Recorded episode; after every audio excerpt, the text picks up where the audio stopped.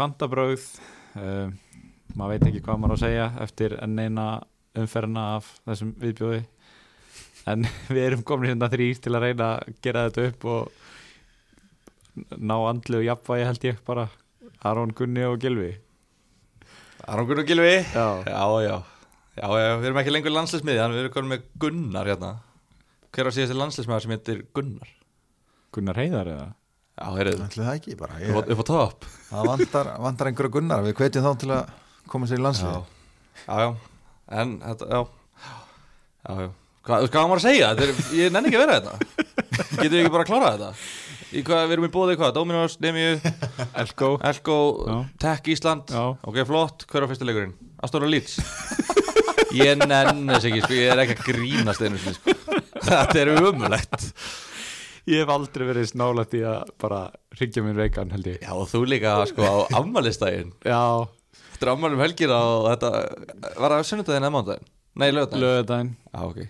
Það var ekki gott hljóðið þér á ammælistæðin Nei, Svo hjælt maður að þínu menn myndi bæta þér upp daginn eftir. Já, já. Gerðu það, nei, nei Ekki, í þetta sinn.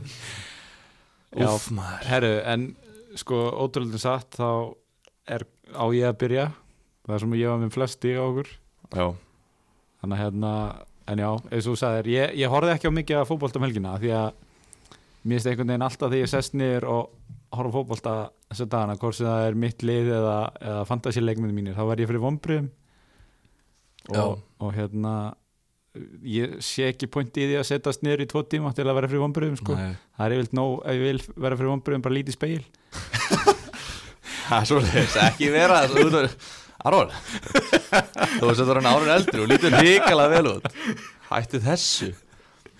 Hérna. Það var heldur gott tvíta á fótboll.net um daginn eitthvað, twitter dagsins, eitthvað gaur sem var að tvíta hérna Ég ber engar væntingar til Daniel James En samt verði fyrir vonbröðum að horfa á hann. Já, Og það er basically allt fantasiliðið mitt. Veist, Ég hef engar væntingar til eins að það Liggur við En alltaf náður að valda með vonbröðum Þetta er alveg vonlust já, þetta er rosalegt. En hérna, ég var ekki með neitt leikmann í fyrstu tveimur leikjunum uh, Aston Villa Leeds og hérna Manchester City Vestam svo var ég mætti ég til leiks með mína þrjá Kristal Pallasmenn Já, já, galvaskur. Já, og Vilfríð Saha, nýju besti vinnu minn, byrjaði að hérna, leggja upp og skora. En svo var nú komið að því að draga fram gamla góða nýmasettið og byrja að reyka í bakið á manni. Já, já og hérna, Kristaf Pallas, þeir geta haldið hreinu í 90 mínútur en ekki fleiri en það. Ekki sekundu lengur það. Bara 90 mínútur svo er ég bara búin í vinnun náðu einhverjum 95 núna áður þeir fengu á sig tilgangslös margt. Þeir voru manni fleiri. Þar fóru nýju stig. Mögulega bónus líka. Og möguleikur bónus ég veit ekki en hérna og ég hugsaði, já, já, þetta, þetta reddast af því að ég var með Sala sem fyrirlega og ég hugsaði, sko það kom einhvern veginn aldrei inn í þangagangin hjá mér að neitt annað kemur til greina en að hann væri að fara að skora minnst tvö mörg Sala já, Já, ég var bara, ég var bara mjög sjálfsörug um það að þetta væri bara tvö til þrjú mörg sko. Já. Og hefði líka átt að gera það bara þeir sem horfða leikinn sáu það og hann átt að gera það. Þetta var bara óhefni sko.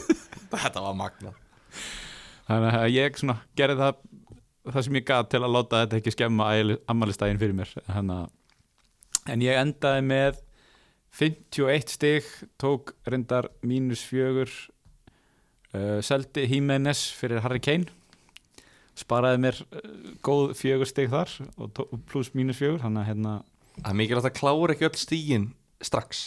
Já, Það er mikilvægt að eiga svona Eiga nokkuð stegi inni líka eftir áramót og svona. En að já ég var með Sækja þau, ekki öll í einu. Nei. Ég fekk stig fyrir Roman Sæs, Son og Kane og Saha og þá er það bara komið. Jú, svo er ég með Rhys James sem fyrsta mann á back með 8 stig. Það náttúrulega kom ekki inn á. Það var fyrir síðasti hlutur í heimi að James Rodríguez myndi spila og planka eftir þessi hérna, eftir þessi, þessi dramatík sem gekk á síðustu viku. Já, Eh, já. Hvor er næstur af ykkur? ekki ég Það er ég Það er að lofa okkur því, ég er síðastur í dag Já, þetta gekk nú ekki vel um mér, ég var með 42 stig Ég með hérna, Lukas Dinje var svona, sem stóð upp úr í liðinu mínu um helgina svona, típist. En niður úr. Já, eða niður úr. Já, uh, ég var mjög bjarsinn þegar ég fór inn í þessa umferð. Mér varst bara flestir mennindi mínir eiga góða leiki og með góða tölfræði á bakkinu og ég, mér leiði ekki eins og gilva ég hafði trú á mínu liði og, en ég meina, það gekk samt ekki vel. Uh, ég fekk fóten hann kom inn á í háluleik skoraði mark uh, svo er ég með Son og Jimenez það eru bara, jú og Sæs Já, það eru stíði mín. 42, takk. Takk og bless. Já, ég, þú veist, mér leysa það alveg vel með þessu umferð. Eða þú veist ég, ég, eh, þegar ég er með tvo varnamenni Liverpool og þeir eiga gefins hreintlag þá er ég alltaf svona, ok, þú veist, þetta eru samt alveg 60, hérna, 12, þú veist, þetta, þetta telur alveg. Þannig að ég var með þetta garantíður 30 stig eða eitthvað fyrir umferðina fannst mér og svo sala fyrir liði og allt þetta en svo bara, nei, nei kemur þetta grín hérna, mark sem að þeir skora og bara eðilegur eða allt. Ég með Sæs sem að fekk reynda mjög skemmtilegt reynd laga því að hann ætla að fara að nota og svon þá er það bara upptalið. Það var ekkert meira. Ég fekk bara stegi fyrir Sæs og svon og svo er ég náttúrulega með höst, uh, höstin með James Justin á bekknum með 6 stig og ég enda með 37 stig. Hvorki meira enn minna. Já. En ég gerði enga breytingar. Ég var hérna hótaði að taka mínus fjögur og kaupa Aguero eða Kane eða eitthvað. Og sleppa því bara, ég held bara De Bruyne. Ég, hugsa, þú veist, ég greindi þetta svo sem fyrir síðustu umferð, hvað myndi gerast og það gerðist nema bara hann hérna, klikkaði því að hann sendi í stafn að gefa hann Maris og gaf hann Störling hann og setta hann í gegn. Aldrei setja Störling í gegn eða þú ert að reyna að fá fantasísteg sko. skoðurinn kann ekki að snerta boltan þannig að hann alltaf bara mista hann alltaf frá sér og klúraði færinu þannig að ég fekk ekkit, ekkit fyrir það en já, þá erum við búin að fara yfir öll stín okkar og þökkum ykkur fyrir að lusta og fyrir bless Já, Nei, mér átjóks, þú veist, það er ekkert að ræða þetta. Ekki að tala bara um hvað styrtaræðin okkar er flottir? Jú, ég held að, Þriðu dagur, Dóminustagurinn, já, uppbólstagurinn minn. Er þið búin að fara í Dóminustilbúið í dag eða? ekki það sem að er en hérna, mér langar að spyrja þig hvað, þegar þú fer í þriðutastilbúð hvað tekur þegar þú mátt velja þér bara sjálfur þrjú áleik er það einhver svona aðlögun á einhverju sem er á matselinum eða er það, Nei, nei, bara, þú veist, hvernig mér líður sko. Já, Núna var ég áðan, ég er náttúrulega vinn uh, í mjóttinni og það er Dominus og það er bara hættulegt. Og hérna ég er bara að vera súpa að segja því þannig að ég hafa bara pepperoni kjúklingur og piparóstur í dag, bara örugt hljóma vel. Já. Gott Engi bygg. sjansar ekki sem það teknir ekki og í fantasi Nei, bara spila þetta safe. Herri, Og svo við verðum eiginlega að tróða þessu núna fremst með þetta tech-ból Þannig að tech Ísland, já, fótbolltabortinnisborðið En þetta er líka, þetta er meira en fótbolltabortinnis Þetta er náttúrulega, þú veist, þau þau kallir þetta sko Þú getur spilað tennis á þessu borði. Þetta er svona kúft, þetta er bara bortinnisborðið með kúft. Já. Og þú veist, þú getur spilað tennis og þau kalla það techis mm, Og svo, get, svo kallaðu þetta tech-ból og þau kallir þetta eitthvað að svona tróða tech inn í íþróttina sko. Ég, ég man ekki hvað blag heitir þarna. Tech-pong er, er bortennis eða eitthvað. Þú getur spilað fullt af íþróttum í þessu. Þetta er alveg af gaman. Ég held þetta er þið svona eftir svona þrjár, fjóru vikur þá verður maður svona já, þú veist, ég, ég er eiginlega hættur að nota þetta. Ég, það var rosalega gaman fyrst en svo svona nú fjaraði þetta út. Nei, nei, ég bara, mér langar bara að vera aðtunumæður í þessu. Haldið að ég geti það? Ertu ennþá ósýrar í Þú veist, ég hef tapað settum. Já, en ég er ennþá eiginlega ósegraður í leikjum. Já, þannig að hérna ég er bara hvet hlustendur fantabræða til að senda skilabóð á Instagram, fantabræð Mm. ef þið viljið skora á mig. Og þeim er velkomið að koma og, hérna, og ég skal uh, millifæra 60.000 krónur inn á þann sem vinnur mig. Það er bara svo leiðis já, já, okkur ekki. Er ekki bara fyrir það og, og lítið og mikið? Það, hvað er það að tala um? Mér finnst það bara frekar mikið. 65, Nei, 55 55 skall fyrir þann sem að vinna mig og þriðast til bóða Dominus 56 herri, þá höfum við það. Já, en hérna, ef ekki að fara yfir fantasi eða? Við verðum að verður gera við ekki að gera við erum að gera það? já, það. Fyrst við erum komin í sko. Herri, Jú, jú. það er náttúrulega eins og allir byggust við að þá rústaði Leeds Aston Villa 3-0 Eh, Sko, af hverju byggustu ekki við því? Eða, þú veist, ok, auðvitað út af þess að vilja var búið að vinna allar leiki og fá sér bara markamöndi Liverpool. En horfið á, horfið á úslitin Aston Villa 0 lýst þrjú. Mm. Hvað er óvænt við þetta? ég get nú svo sem ekki sagt að þetta sé eitthvað svakalega óvænt, eða þú veist manni finnst einhvern veginn Leeds ekki búin að vera uppskera eins og þeir sá sko, þú veist, manni finnst þeir flottir í öllum leikjum. Einmitt, mjög góðir, kröftuðir Bara, E- hafa ekki í öllum leikjum skorað þessi mörk sem manni finnst vera búið í liðinu sko. Þarna bara duttu inn ég blöðið sitt í og voru tölur betri en Wolves Mhm. Svona fyrstu 60 mynduðar Já, og það er líka bara svo mjög óvænt úslit að dett inn, það er eiginlega allt hægt að koma á óvart lengur sko, þetta, þú veist, það er ekki hægt að koma á óvart lengur í þessu sko. Já, Ég meina, það, horfi, við horfum bara á þetta það er það eina sem komur óvart að það er Wolves njúkvæmst jafntöfli það, það er ekki, það er engin önnur úrslitanna sem ég er bara heyrðu, þetta er hans sem magnað, þetta var ótrúlegt. Nei, svo sem ekki. En, en ég meina, jú, bara vel gert hjá Leeds, þú veist, 3-0 og bara fengu þarna það sem þeir áttu skilið, þeir voru miklu betri og Bamford Brunson, hann hann myndi á sig. Hann opnaði aftur. Ég held að, já, Eftir lokun í tvær ég held að þetta væri bara eins og Brunson í Þrastalendi sem bara hefði bara gufað upp og við myndum aldrei heyrum hann aftur. Nei, hann, hann Við erum búin að tala hann svolítið niður hérna sko, en ég var eins að kíkja við síðustu fjóra vikur hjá, hon- hjá honum sko, og hann er bara næst efstur og eftir Kane í expected goal involvement sko. hann er með flest skot á eftir Kane. Og líka, hann er líka búið til færi þú veist, þetta er bara leikmaður sem við þurfum að hætta að ignora sko, að hætta hunsan og fara að skoða hann sko. hann kom með sex mörk í sex leikjum og það sem meira er að hann er búin að spila 90 myndur í fjórum leikjum í röða núna eftir að hafa verið skipt út af í tveim fyrstu leikjunum svona Já. tiltölu snemma þá er hann að fá alla mínútur núna og það, þú veist og hann er bara hefur heldur nýjan. mikið að segja sko. Þú veist, Rodrigo sem við heldum að er nýja, starting nýja hjá þeim, hann, er, hann byrjaði í síðasta leik en það bara skiptir ekki máli. Bamford er nýjan okkar, hann á að skora mörkin. Mhm. en jú, þú veist, hann átti nýju skot í þessum eina leik. Sjö inn í vítategnum, þú veist að, hann, þetta var ótrúlegt hvað hann var mikið í færum hann en þ- og það er náttúrulega, mér finnst að blekja svolítið tölfræðina út af því að þetta er svo, svo ógæslega mörg skot í þessar umferð. Ef við tökum þessar umferð út, þá er hann örgulega bara eitthvað í miðri, miðjunni í tölfræðinni sko. Gæti verið, já. En hérna já, ég, á, ég er að ströggla með hann að gæja sko. Þú veist, ég veit ekki hvort ég á að taka hann eða ekki. Og prógrami hjá þeim er líka ekki það auðvelt þannig að en það, er, það var ekki auðvelt í fyrstu sex leikjunum heldur. Nei. Þeir eru búin með Liverpool, City og uh, lið með fullt úrstiga mæta þeim, búin með Wolves. Hvað er fleiri lið þarna? uh, þá Aston Villa, Sheffield og Fulham.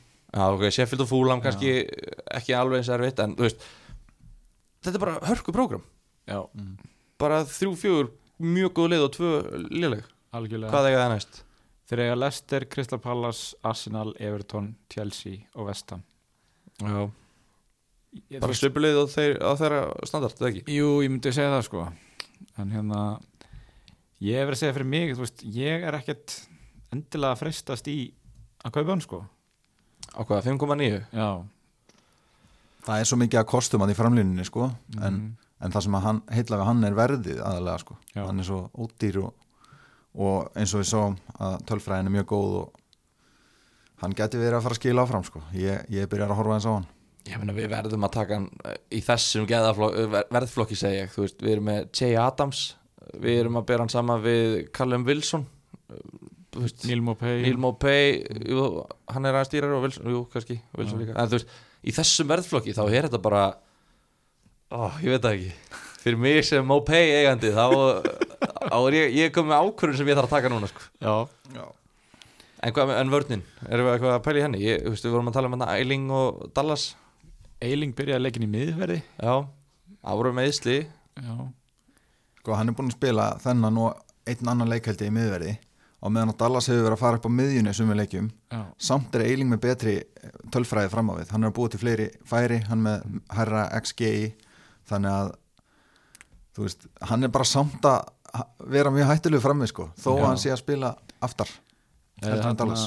Fjagra miljóna varnamæður þeirra Pascal Strák byrjaði sem uh, afturleikinu miðumar og tekin út eftir 20 myndur já, þegar hann fekk guldspjald hann var alveg bara, það var eins og að væri á bara hörðum efnum í þessum leik, sko. hann var eins og að vera að reyna fór eitt Já, Það var bara, svo tekin út af hann bara, hæ, hvað, hvað er þú að gera maður? Ég er bara að spila fótboll, þú veist, bara hvað, þú veist, hæ, þetta var ótrúlega skrítið. Og geðið attitút eitthvað, það var svona 20 mínútur að labba mm. að því hann fór út af hinum einn hann var svona 20 mínútur að lappa með frá vellinu og fram hjá Bielsa sko, ég held að hann myndi kílan eða eitthvað í andletið en en, Já. en svona, eins og ég segi þessi leikur og líka Master City leikurinn þetta fór einhvern veginn þannig að þú veist, þegar maður er ekki með neina menn í þessum liðum horfir á svona úrslitin detta þannig að þau eru svona akkurat á móti fantasístíðunum þá hugsa maður bara yes, þú veist, núna er svo margir aðrir að fá ekki stíg algjörlega. Veist, en, og þetta var líka bara, vá hvað þetta var skemmtilegu leikur. Já, þetta var ógæslega skemmtilegu mm. fótboltaleikur en það er náttúrulega ótrúlegt að Grílis hafa ekki skorað ótrúlegt þegar hann sólar þarna sjö leikmenn og er bara komið bara, þú veist hvernig gata glúra þessu, ég skilði það ekki. Og líka bjarga á línu frá honum. Já, þannig að þú veist, það var eiginlega bara magnað að hann hafa ekki skorað. Hann var mjög góður í þessu leik. Ég er mjög ánægð með að vera með hann sko. ég held að hann sé að fara að skila næstu vikunar alveg bara klálega já, ég er eiginlega frekar að reyna að kaupa hann heldur en Bamford eins og er sko. Að því ég sá ekki leikin hvernig var Barkley? Hann var minna áberand en Grílis hann var það alveg klálega en já, bara eins og við vorum að tala um síðast hann er ódýrari Já. og hann er alveg möguleiki fyrir þá sem geta ekki keft Grílis út af peningum. Mér finnst það ekki. Ok. Ok, Eða, þú veist bara, En eitt um vörnina, við vorum að tala um þetta síðasta þætti hvort að maður geti verið, bæðið með Martínez og Varnamann já, djövill voruð þið lélegir í þessum leik. Sáuð þið þriðamarki hjá Bamford? Já hann fekk svona, hann var í svona 5 sekundur, stóð bara inn í svona ring af villavarnamennum og enginn fór nálat nálatónum í boltana eða eitthvað, hann bara svona lift honum aðeins með innafóta bara í hotnið og tilfinningin var svona eins og þeir varu allir á gullu spjaldi og enginn þorði að, Já. þú veist, fara í tæklinguna sko. Já, og Tyron Ming sko, mest í harðhaus í deildinni hann Já. bara þór ekki nálat honum, Já. þetta var bara mjög skríti moment sko. eftir að rífa hann upp hann á treyjunni fyrir já. Já þetta, þetta var alveg magnað alveg ótrúlega lélegt. Ok, þannig að, eh, þú veist Aston Villa á djúsi prógram framöndan og maður ekki að vera að targeta vardamennina hvað er, ég var að skoða þetta eins program, já. Hvað meinar með því? uh, Southampton er ekki lengur Juicy lið til að mæta að mínum að nei, þeir eru búin að múra fyrir. Þeir eru svona annarkvort bara, annarkvort fá sér engi mörg eða, þú veist sex mörg í leik, bara. Arsenal er ekki að leka núna nei, nei. Uh, Brighton, ég ætla að fá að tala um Brighton vörnina eftir smá. En við erum að tala um sko varnamenn í Aston Villa. Þú veist, Já, hvort að liðin sé fyrir að skora á það mm, já, ok. Og Arsenal litur nú ekki vel út um helgina. Já, Brighton náði bara að skora eitt á móti Vestbrómins já þeir og þeir alveg ger, skoruðu ekki eins og sjálfur Nei, nei, ok. Ég varnarlega þá guttir að ég aðstofila En það ekki? sóknarlega, ég veit, ó, þú veist Þetta er svona akkurat leiki sem að maður kemur ekkert óvart að þeir myndu skora marki, ekkert óvart að þeir myndu ekki gera neitt í. Þannig að ég veit það ekki. Þetta er basl. Herru, færum okkur yfir í næsta leik uh, West Ham Master City. Antonio skoraði þarna með myndið þið kalla þetta bakfallspinnu eða hjólaðspinnu? Bakvals eða ekki? Jú, ég held Já, að ég held að, já. Hann var- Verður ekki að vera- Hann hoppaði nú ekki mikið. Verður ekki að vera, þú veist Sveiflan með vinstri fætunum fyrst Og svo Já, já, hann já, verður já.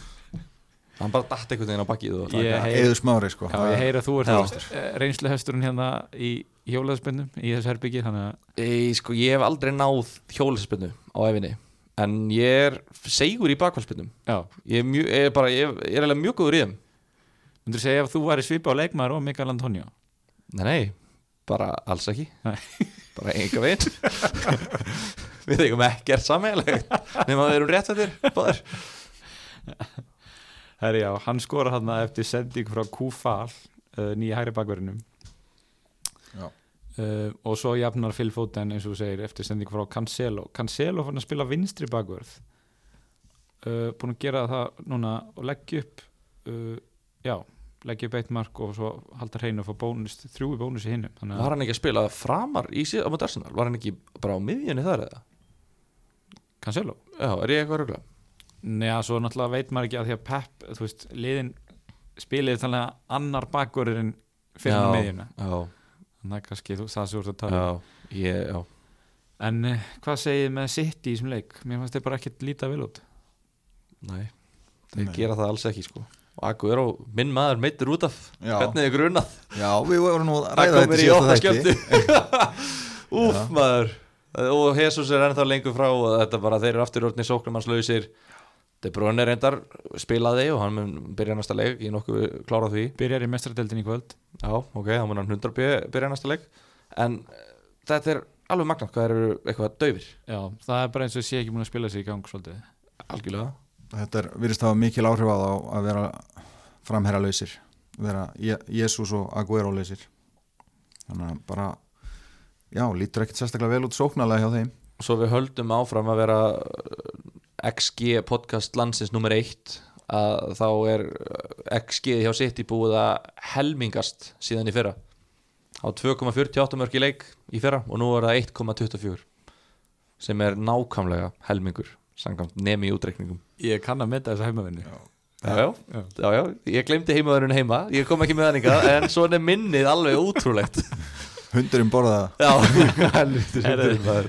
Hérna uh, En varandi sittimenn Mér langaði þess að tala um sko að uh, þeir eiga ekkert sérstaka leiki framöndan finnst manni. Þú veist, þeir eiga, jú, ok, Sheffield United útvelli en svo Liverpool og Tottenham. Þannig að mér líður allavega að því nú er ég ekki með neitt sittimann mér líður þess að sé bara allt lagi að býða fram í tíundöfverð þannig til að vera velta þess fyrir sér já sko næsti leikur er mjög góður finnst mér, mútið Sheffield. Já, en svo koma tveir erfiðir og eftir það þá var það bara Sea of Green eins og við kallum það. Það voru bara mjög góði leikir þannig að maður þarf að targeta uh, Citymenn í tíundöferð Þá erum við að fara í sko eftir það, já, við erum að tala um sko Burnley, Fulham og West Bromwich Albion á heimavelli í, í næstu fjórum í umfyrir 10 til 13 erum við með þessa þrjá heimalegi á City þannig að ég er að fara að stapla upp uh, þá, ekki setna en þá. Mér veist allt í lagi að býða, alveg klárlega en ef við spáum að það síðu Sheffield er mjög góðu leikur, veist, City gæti þrjú fjögum mörk eins og Sheffield er að spila. Um, Liverpool getur ekki haldið hreinu. Mhm. þeir eru ekki að halda hreinu og það bara, þú veist, þeir eru ekki með Virgil on Dijk. Alisson reynda að koma aftur óvænt í markið en það bara er eitthvað veist, þeir eru bara ekki konin í gang. Þetta er bara mm. sama sáið fyrra. Og tóttinam í rauninni líka þú veist, mér komið rosalega orð að það er að velda reyna út af Burnley en ef það er eitthvað lið sem að, þú heldur hreinu í ennsku deildinni á móti þá var það líka Burnley. En tóttinam, þetta var fyrsta reyna lagið þeirra það ekki, í deildinni? Ég er svo ekki með það fyrir fram en jú, mér gruna það sko. haldið að tóttinam sé að fara að verjast City? Þú veist, Davinson Sanchez er hann að fara, Orier er, hann, er þeir að fara að verja, verjast mann City? Fer eftir hvort City heldur áfram að spila eins og séu búin að- eru búin að spila og verða framhjörlausir en þá, ég veit það ekki. Ég meina þeir getur verið átta á móti tóttina vörðinni og skora tvö mörg sko, held ég, ég mér, finnst, mér finnst ekki að því heldur að stökka á þetta núna. Ég er alveg að pæli bara að reyna að tróða inn fótinn eða Mares eða eitthvað. Fótinn hlýtur að byrja næsta leik út af því að hann kom inn á og skoraði markið og þú veist, hvað var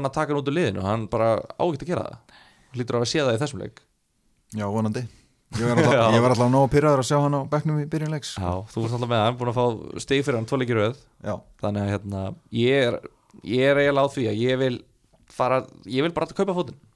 Já, hvað er hann á 6,6 eða? Jú, jú, þið er Já. að tala um Barkley hérna á 6 miljónir eða eitthvað sko, bara gleymið pælingunni. Við erum að fara í fótinn stakar já bara eini gallin við hann er spilatími, maður veit ekki en sko meðan að þeir eru ekki með Jesus og Aguero þá ætti hann að spila flesta mínútur. Já, þetta er eitt pláss að losna og Störling hlýtur að fara það fram. Og þá var hann að keppa bara við Mares og hvað, Bernardo Silva sem er bara allt í einu orðin bara þú veist dáinn, horfinn, já, hann byrjaði, og byrjaði þennan leik sko. Já, hann virðist að koma aftur inn í þetta en hann er búin að vera svolítið frá einmitt. Herru, en hvað segið þið með Vestham? Sko, þeir eiga fúlam á heimaðalli í áttunduverð eftir þennan Liverpool-leik sem er mæta næst. Sko, ég er alveg heitur fyrir að kaupa Miguel Antonio og kaftinan í umfyrir átta. Hann fór myndur út af í þessu leik. Já, Mhm. skráðu 75% núna. Þess vegna líður mér eins og sé alveg fullkomið að sko býða þennan eina Liverpool-leik af sér og ef hann kemur heill út úr honum að stökkva þá á þetta ég fyrir átta. það, það var talað um að vera mikil óvisa með þessi meðsli, hann átti að fara í eitthvað skann í dag. Ok, þannig að við fáum örgulega fréttir af því. En ég er alveg sammálaður, ég er mikið að horfa að taka hann inn fyrir Jiménez eftir, eftir næstu umferð. Já, sérstaklega hann kostar 6,3 ár og hann er jafnvel nálagt í að lækka ennþá meira sko. Ótrúlegt. Hvað er með þrjú mörk í sex leikjum og í þessu ógeðslega prógrami sem að vestum er búið að hafa? Þeir líta bara þokkalega út. Já, þeir- það grínast. hvað eru með næst næst uh, fæst mörk sem að er í XG á sig. Er það ekki? Jú, þeir eru með emitt Já, samkvæmt XG conceded. Já. Eru þeir með bara næst bestu vörðinni í deildinni. Og þeir eru bara búin að finna sig í þessu 5-4-1 leikkerfi og þú veist manni fyrst þetta bara, lítur bara vel út hjá þeim þannig að ég er einmitt búin að vera að horfa á líka varnamenn hjá þeim eftir, eftir næstu umferð. Já. að taka inn annarkort þennan Kúfal nýja vingbakkin hjá þeim eða, eða hann Masuaku sem er hinn megin. Já, ég, ég er að horfa á ekki, Ég er að fara á þann vagn hætti var ég ekki fyrstu til að nefna hann hérna? Jú, held ég. Já, að spila á kantinum. Já, Kressvel, jafnvel, hann alltaf stýrari og Cresswell er búin að búa til flest færi af öllum varnamönnum í deildinni þannig að og er að taka einhverja aukarspinnur og eitthvað svona? Ég meina, og Bowen hann á 6,34 á miðjunni líka Já. í þessu kategóriu, þú veist, sem er búin að vera flottur. Og Thomas Jusek Já, það er mikið að kostum í þessu liði. Fullt af kostum og þeir eru að fara í geggja prógram, þú veist já, eina sem ég hrættur við, að kannski hendar að þeim verra að spila á móti liðum sem er að leggjast aftar eins og Fúlam og FBA og svona, heldur en að spila móti City og Liverpool þessum liðum það sem þeir geta, þeir eru að sækja hratt vel þeir eru að gera það vel á móti hérna Leicester og, og, og hérna Wolves City. Góðu punktur og svo er líka spurning hvort að Masuaku haldi sinni stöðu að því að hann er náttúrulega varnamæður upplægi hann hefur verið að spila á kantinum. Spurning hvort að hann setji sóknarsinnari mann á móti þessum lélæri liðum. Já, það verður hryggilegt. Já. þá myndi ég gráta. Herru, já uh, Krista Pallas vinnur fúlam 2-1 þarna, fá þessi marka og loka sekundinni. Uh, djúvel var ég ánæður að vera með Vilfríð Sahasand hann er að skila núna. Eftir vombrið, fyrst tvo leikina sem ég keift hann þá er hann með 9 og 13 stegi síðustu tveim.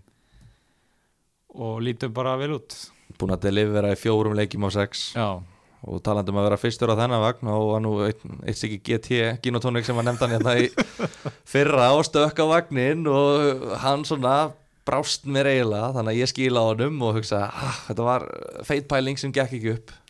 Og svo var þetta kannski bara feitpæling eftir alltaf manna en þú veist, nú er ég ekki á vagninum og þá náttúrulega veit ég hvað gerist. Þá blómstrar hann, við erum búin að tala um hérna félagskipta Saha, núna einhverja átta glugga í röð. Og þú veist, ég bara ég eiginlega græt líka yfir Saha. Ég, veist, ég er eiginlega tárast að tala um hann sko. ég ætla að fara að fá mig vatn en veist, þetta er bara ótrúlegt. Þetta er náttúrulega, þetta er eitt mesti skorpu leikmaður bara í sögu þessa leiks. Já. hann bara, einmitt, tekur þvílika skorpur sem hann er góður Já. og síðan bara hverfur hann í marga, í marga leikiröð og þú ert aldrei að hitta á góða tímabili hans núna. Já. Þeir eiga Wolves næst, ég veit ekki alveg hvernig mér líður með hann á móti þeim það, mér líður svona eins og þessu tvö lið sem vilja ekki á boltan, það er alltaf skrítið að horfa þennan leiki. En svo er þetta líka sko, Wolves er svona lið sem að vill ekki skora fyrstu 80 mínúndunum já, og Krista Palas er lið sem að vill ekki halda hreinu á síðustu 10 mínúndunum já, Þannig að þú veist, ég er að pælja að kveikja bara á sjónvarpinu á 80. mínútu og annarkvæmst verður Saha eða Hímenes sem skorar í 1-0 sýri þetta, er- þetta, þetta er bara ótrúlega dauf lið eitthvað en samt svo mögnuð algjörlega. En svo var einn punktur í þessu líka, Míli Vójevits, hann var komin í byrjunlið.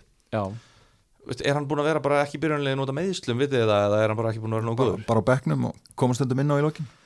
Því að hann, kom, hann byrjaði þennan leikið ekki, já, Já, og hann er náttúrulega besta vítaskipta bara í sögu bara austur-Európu hann er það að hættu þessu. Og þótt við að vera leita þannig að þú veist, hann hlýtur að fara að, taka, að fá að taka vítin. Og af þessum fjórum mörgum sem að Saha er með eru, eru tvö víti þannig að það er spurning hvort að við getum eitthvað hvort við getum eitthvað hort í það þú veist, fyrir þá sem er að pælja að kaupa hann sko þetta er klálega, við erum ekkert að fara honum hann er á góðu rönni, en í- þú veist maður að horfa á Jack Reelis Foden, Saha. Og Saha er svona eiginlega sístur á listanum hjá mér núna út af að hann er skorpuleikmaður og, og mögulega að missa vítin.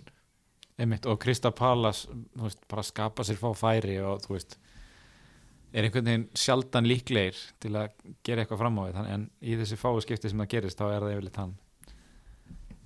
Ég held bara að Wolves og Leeds muni hendon mill sem eru næstu tveir leikir, ég held að þetta sé ekki svona leikir sem að Saha vil keppa á móti. Já, kannski Leeds.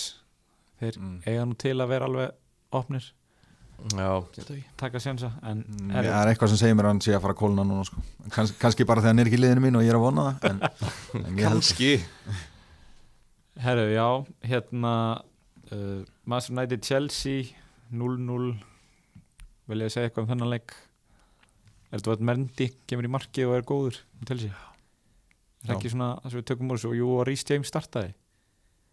Já, en er, erum við ekki bara búin að kæla James umræðina í vili? Umræðina við erum, ennþá, við erum báðir ennþá með hann sko. Þannig að þeir hvað er að gera ennþá með hann. Það voru bara stærri vandamál sem þetta að sinna. Já, en erum við ekki svona, þú veist ég held að hann, hann er klálega ekki kaupa en hann er farin úr því að vera vandamál og selja yfir í að vera bara mögulega að taka sjensin sko. En sko, hann byrjaði náttúrulega núna örgla stórun hluta því að Lampard skipti um kerfi og var með wingbacks í þessum leik. Þannig að Aspilketta byrjaði líka. Uh, það fer eiginlega svolítið eftir í hvernig byrjunarliði verður núna í mestaradeildinni annarkvöld uh, hvað ég gerir við hann? Ef að James byrjar þar þá get ég selt hann. Þá held ég að hann byrja ekki um helgina. Þeir eiga nefnilega Burnley, Sheffield og Newcastle í næstu þremur. Og ef, þú veist, ekki það liðin sér mikið að halda hreinu í það sem að vera í dildinni en mér líður eins og ef að þú ert að fara að halda hreinu út einhverjum þremur liðum þá er það þessi þrjú. Algjörlega. Þá ertu að vera inn á vellinum til að fá stíðin það, það er bara málið sko og bara Mendy er búin að bara koma með eitthvað sem við höfum ekki séð mikið frá Chelsea sem er bara markvæslur, hann er bara að verja skot og hrein lög. Hreinlög, hann elskar hreinlög sko, þannig að þetta er bara, og, og Tiago Silva líka bara flottur að við, hérna, var ekki mæta Arsenal sem hann uh, tók Slippy G á þetta og rann eitthvað. Hann rann eitthvað og gaf eitthvað markat Móti Vestbrom. Og þetta er Vestbrom, já, alveg veit en hérna, fyrir utan það að þá uh, eru þeir tveir búin að koma með bara svona ró í vörnina, finnst mér, og svona yfirvögun. Og ég er svona, ég veit ekki ég er svolítið hrifin að Kurt Zuma. Hættulegur í tegnum já, og bara, þú veist, hann, svona bónuspunktasegull smá í honum, sko, hann er búin að fá bónus núna þegar hann heldur hreinu yfirleitt. Ég veit ekki, ég er, ég er ekkert langt frá því að kaupa hann. Já, Mhm. og Chilwell lítur mjög vel út líka. Hann er Já. að búa til fullt af færum. Mikið að snertingum á síðasta þriðjungi vallarins. Örugum með stöðu í liðinu sinu mér erst erfitt við Chilwell, hann er búin að hækka upp í 5,8 í alvörunni? Já, mér líður eins og svolítið svona out of the blue. Eða þú veist, jú, ég vissi hann er búin að hækka upp í, þú veist, 5,6 eða eitthvað. Já, þetta er típi svona eiga 1.20 stegarleik, þá Já. bara stökku allir að þau sko þetta, þetta er að því að það var engi með hann í byrjun og svo að því að hann var mittur Einmitt. og svo byrja allir að kaupa hann Einmitt. þá rjúka menn upp En já, þessi, þetta, þetta er mögulega eitthvað til að skoða Hvað, þú veist, líka bara mendi í marki, hann er 5,0 já, Hann þeir, sem, náttúrulega- þeir sem voru að kaupa Martínez seint Já, á 4,89 hmm. Það er ekkert glórulöst að skipta í mendi í næstu þremmuleikim sko, ef að þú átt engin önnu vandamál. Þetta eru þrýr geggjaði leikir fyrir vördina hjá Chelsea, finnst mér. Svo gerum nú kannski ráð fyrir því að það séu einhver að hlusta sem að eru kvorki með Martínez nýja mendi já, já, klálega, og þannig að þá er ákvörðun til að taka. Algjörlega. Þetta er líklega einn mest neild maður í Chelsea liðinu sko. Já, það er enginn að fara að ógna hans stöðu á meðan hann er heill herru, já. Uh, Master United, uh, náttúrulega bæði liðin voru bara, þetta var svona frekar bytlaust fram á við en hva, þú veist, er ég einn um það að fannast Markus Rashford sprækastur hana? hann er alltaf sprækur maður. Já, hann er bara miðjumæður á 9,5 og tekur ekki vítinn og er ekki að spila fremstur þú veist, þetta er bara Jú, hann er að spila fremstur núna. Já, sko, eitthvað viðbútt Já, eitt líka viðbót reyndar, reyndar. ég veit ekki, þú veist, ég, ég er ennþá bara ekki seldur, ég var það ekki síðast á þætti og, og, og ég er alls ekki eftir þennan leik. Þannig er að aðeins og dýr ég, já, mér finnst það. Þetta er svona 8,0 til 8,5 þá væri ég að kaupa hann. Kannski lækkar hann um einu hálfa. Já, ef allir selja hann, ef við tökum okkur saman í fantabröðum og allir hlustendur selja hann þá kannski getum við fengið eitthvað fyrir hann. Mér, mér varst kannski eitt að Cavani kom inn á Já. næstu búin að skora ef að hann getur einhver tíman á tímabilinu nelt niður byrjunarlega sæti að það frammi og geti hann orðið möguleiki. Horfum á hann. Er hann ekki ennþá átta? Jú. Já, þannig að hérna það er náttúrulega klárlega pæling, ég tala nú ekki um ef að, ef að við lendum í því að Hímenes eða Ings meiðast þá er þetta þægileg breyting til að fara yfir í. Meni sem alltaf ekki að vera meðast sko fyrir að vera svona 62 ára Yngs gæti meðist, en já, þetta er svona þú veist, þetta, við erum aldrei bara að taka Cavani fyrir þess að þrjá fyrir leiki við, veist, Nei. Martial þarf að komast inn í liðið aftur fá að spila sem nýju, svo þurfti hann að vera kaldur svo þurfti Cavani að fá sénsinn svo þurfti hann eiginlega að byrja og þá getum við fara að taka hann sko Já, þetta er svona framtíðar pælingar Já, en alveg, alveg klárlega þess verði að hafa svona á svona watchlistanum Eru þið að nota watchlistan á Fantasy? ég ger alltaf lítið að því sko. eða þú veist, líka bara einhvern veginn ég, þú veist, maður er að skoða þetta svo mikið og pæla svo mikið í þessu að maður einhvern veginn gleymir ekkert mikið hvaða leikmenn maður er að targeta sko. Ég er bara með þetta í hausnum og þetta er líka svo, svo fljótt að verða úrelt sko. Ef maður setur einhvern á watchlistan þá getur maður lungur að hættur að pæli honum sko eftir nokkra daga. Já, mitt þannig að ég er ekki að nota það. Ég var að nota hann í gamla dagar sko.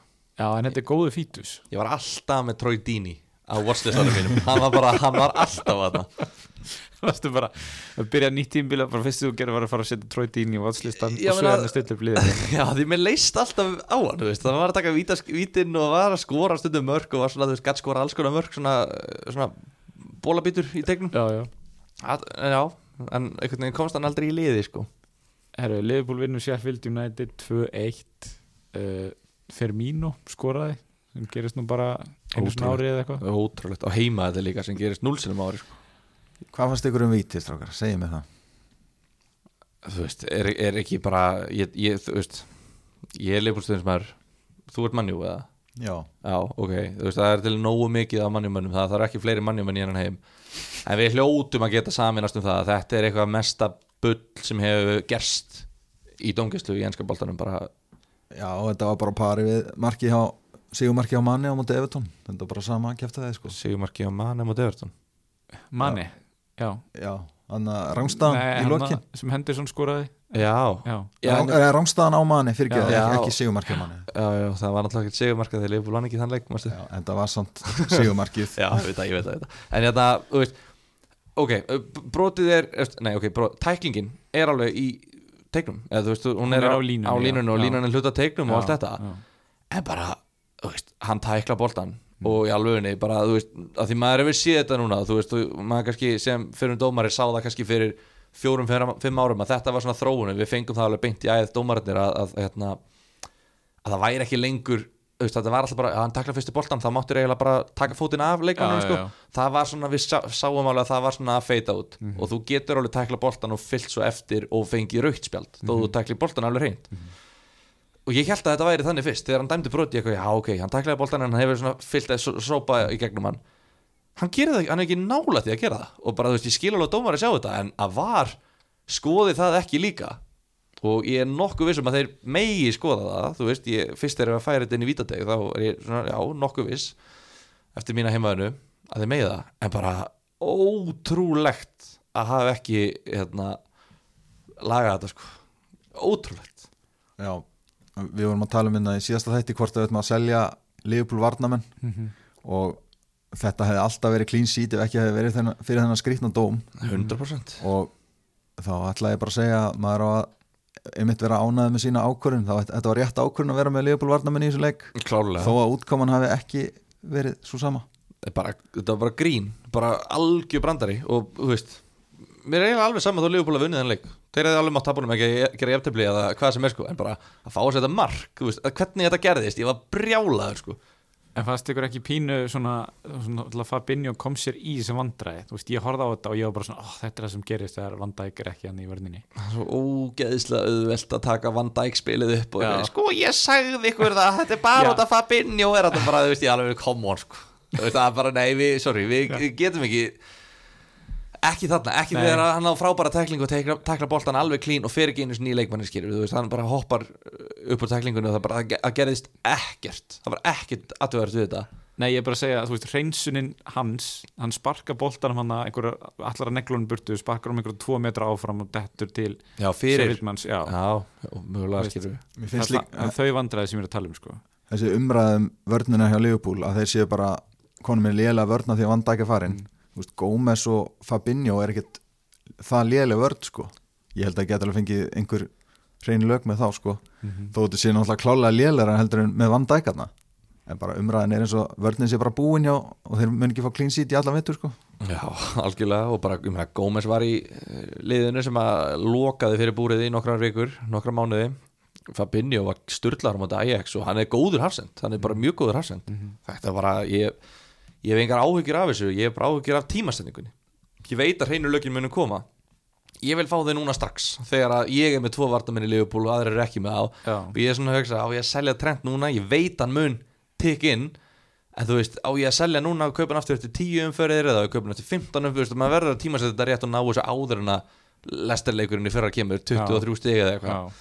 Þannig að þetta er alveg umulegt sko. Og bara trend líka leggur upp móti, á, á sala sentimeter fyrir innan rángstað, þú veist, ég var bara ég var svo sáttur að trend var að leggja upp á fyrirlega menn sko, ég bara yes maður, þú veist, þetta er það sem ég er búin að vera að býða eftir. Og svo var þetta dæmt af. Og svo kemst sala í gegn og þú veist, skýtur í stöngina þegar hann er komin sko inn í markið. Chippar hann upp í stöngina bara, þú veist, þetta var bara það, þetta, það allt sem gæð klúðrast klúðraðist Já. fyrir liðið mitt. Ótrúlegt Herru, manni leggur upp bæði mörkin og vinnu þinn, Olli McBurney fær assistið. Fyrir þetta ógislega vítið hann já, já. fólkskulegt brota á núna. Er eitthvað meira um þetta að segja? Ég held ekki sko. Kannski bara, já, Sandi Berger tekur vítið og Lundstram er komin af þeim en ég held nú að enginn sé að veltaði fyrir sér að kaupa einhverja menn fram á við í Sheffield. Nei, bara. Vombrið að Brúster tók ekki viti Ég hef alveg búist við honum. Já, En hann er ekki vitaskipta greinlega Nei, bara, nei. Erðu, Sántón vinnur Everton 2-0, Jay Adams sem skorar og Danny Ings leggur upp bæði mörkin Ward Prowse með hitt uh, Everton klikka svona í fyrsta skipti að mann finnst langan tíma. Og Calvert Lúen er þetta ekki fyrsti leikur sem hann skilar ekki? í? Jú, hann, ég sá einhverstaðar, hann átti einhverja nýju snertingar í leiknum. Það var einn maður sem átti færri það voru sjö snertingar og hann kom inn á 88. mínútu. Þannig að þetta var ekki leikurinn hans. Nei, og hann hérna endaði þennan leik á að ná sér í guldspjald á þú veist, 93 eða eitthvað. Og hérna sparaði manni eitt stig þar. Sko. Þökkum hún fyrir það. Þakkum honum fyrir það, takk fyrir þetta. Hérna að maður, þú veist, er Everton lestin eitthvað að fara af teinunum? Og náttúrulega Richarlison vandaði þennan leik og, og Dinje fer að núta með raut var ég ekki að sjá rétt í dag að Dinje bannið var stitt úr þreimnir í eitt leik? Jú, Jú, sem er ótrúlegt. Þetta var bara pjúra raukt spjald. Hann bara trað, þetta er stór hættulegt. Hann hefði bara geta bara tekið þér út í bara 8-9 mánuði. Já, Já, þetta, þetta leit illa út en veist, hann er bara að hlaupa og bara stígur einhvern veginn á hann í skrefinu. Að ég allavega, að því ég er með dinja þá skil ég skilur að þetta sé stitt Þú, þú skilur það ekki að þú bara fagnar því. þeirri ákvörðun skilning. Jésús En An- Ancelotti var trilltur í þessu spjaldi eftir leik. Ég, Já, kannski var það bara einhver leikþáttur hjá honum. Já, já, já, sást hann í leiknum þegar hann fekk þetta gularspjald Nei, þegar fekk- er að lappa út af Hann bara stóð þarna, þú veist, hann mótmælt þess ekki neitt. Hann bara horfði á Dinni og held að horfði að tyggja tyggja og vera the goddamn sexy beast sem hann er, sko. Alveg, ég get ekki hort á hann, sko. Við bara langar að kaupa með ferð til Englands bara með, með græna námapóka, sko. Þessi, þessi augabrún sko. Í alveg, þetta er bara í ótrúlegt. Og kjálkaðir, hann er búin að jafna svo mikið tyggjó Í alveg, þetta er, hann er bara svo, hann er söður Alex leveli, sko. Þetta er geðveikur gæði, sko. Shit, hvað ég elska hann Og svo eftirleik þá náttúrulega, þú veist, auðvitað bakkar hann upp En ég get alveg lofað því hann, þú veist, kokslappaði inn í eftirleik, sko. Þetta var bara Hann var, hann hefur verið brjálaður út í hann, sko. Þú gæti verið með einhver ranga mynd af Ancelotti sko. Nei, nei, nei Nei, Hamis Prowse er á 5,8 fær 11 stígu leiknum. Eh, Ástæðan fyrir að ég var með hann í liðinu mínu í fyrstu umferð. Já, Þetta, þetta er það sem hann er fættur til að gera en náttúrulega það sem við munum er að hann er búin að missa vítin hjá Sándón þannig að Það var það eina sem fekk mann til að pæli honum sko. já, Það var vítin. Já, já, hann er ekki á þessu á 5,8 miljónir eru ekki að fara að taka hann. En er nokkuð meira um þennan leik að segja? Þú veist, ég Everton á uh, Newcastle, Manchester United Fulham, Leeds og Burnley. Áður en að tekur svona verra prógram við þannig að ég hugsa að maður haldi nú allum Everton munum fram yfir það. Já Kanski sko með vörnina hjá Sáþandar bara þeir eru búin að hvernig þeir eru búin að múra fyrir. Og það er eiginlega bara allt eftir að Jannik Vestergaard kemur inn í byrjunarlið hann er komið 27 stig núna í einhverjum fjórum leikjum held ég. Ég er rosalega hrifin af þessari pælingu, hann er svona 2 og 30 á hæð eitthvað svo leis og getur skorað úr förstu leikadröfum, hann er hættulegur fyrir framann hérna, já, í tega anstæðingana já, þeir eru búin að bara eiginlega múra fyrir eftir að hann kemur í byrjunarlið. Ég er eiginlega bara nánast seldur á að kaupa hann. 4,5 og sáþandan á, nei, ég er ekki allt í lagi leiki, mér minni það. Hann er með 6, 7, 7, 6 stík í síðustu fjórum. Já, já, og hinnum þeim var hann ekki að spila sko, ég veit ekki Já. hvernig hann var ekki að byrja. Og já, þeir eiga Aston Villa, Newcastle, Wolves. Já, já, þú veist, þeir gætu aldrei hreinu í öllum þessu leikjum, þeir gætu Já. fengið þessu marki í öllum þessu leikjum, en bara fyrir 4,5 miljónir ég sé ekki ég sé ekki meira valjú í fljótu bræði heldur en í honum. Nei, Mhm. alveg rétt. Og sjátt á J. Adams, minn mann. Hann er aldrei búin að stinga sokkun í gilva, hann hafði ekki trú á honum. Já, en þetta sýnir eiginlega bara XG er besta statið sko, hann var með hátt XG, 0 mörg svo bara opnuðs flókáttir og hann er búin að fá stig, núna tvoleikiröð, góð stig. Já, já, það er flott hann að skora tvoleiki röð. Herri, Útrúlegt að geta það. Uh, Wolves eins og þú segir skorað hann að, hvað var það? 80. mínútu eða eitthvað? Já, já, Jimenez með neitt marki. Útrúlegt og hérna svo jafnaði Newcastle úr einhver drullu aukaspinnu þannig á næstöng Jacob Murphy af öllum mönnum setur hann fram hjá. Ég er búin að, er búin að greina þetta. Já, Þetta er svona gæi sem að á enga vini og var alltaf bara eftir æfingar eitthvað langaði að taka er, hann spila hægri bakur hjá Newcastle Í hvað liði var hann?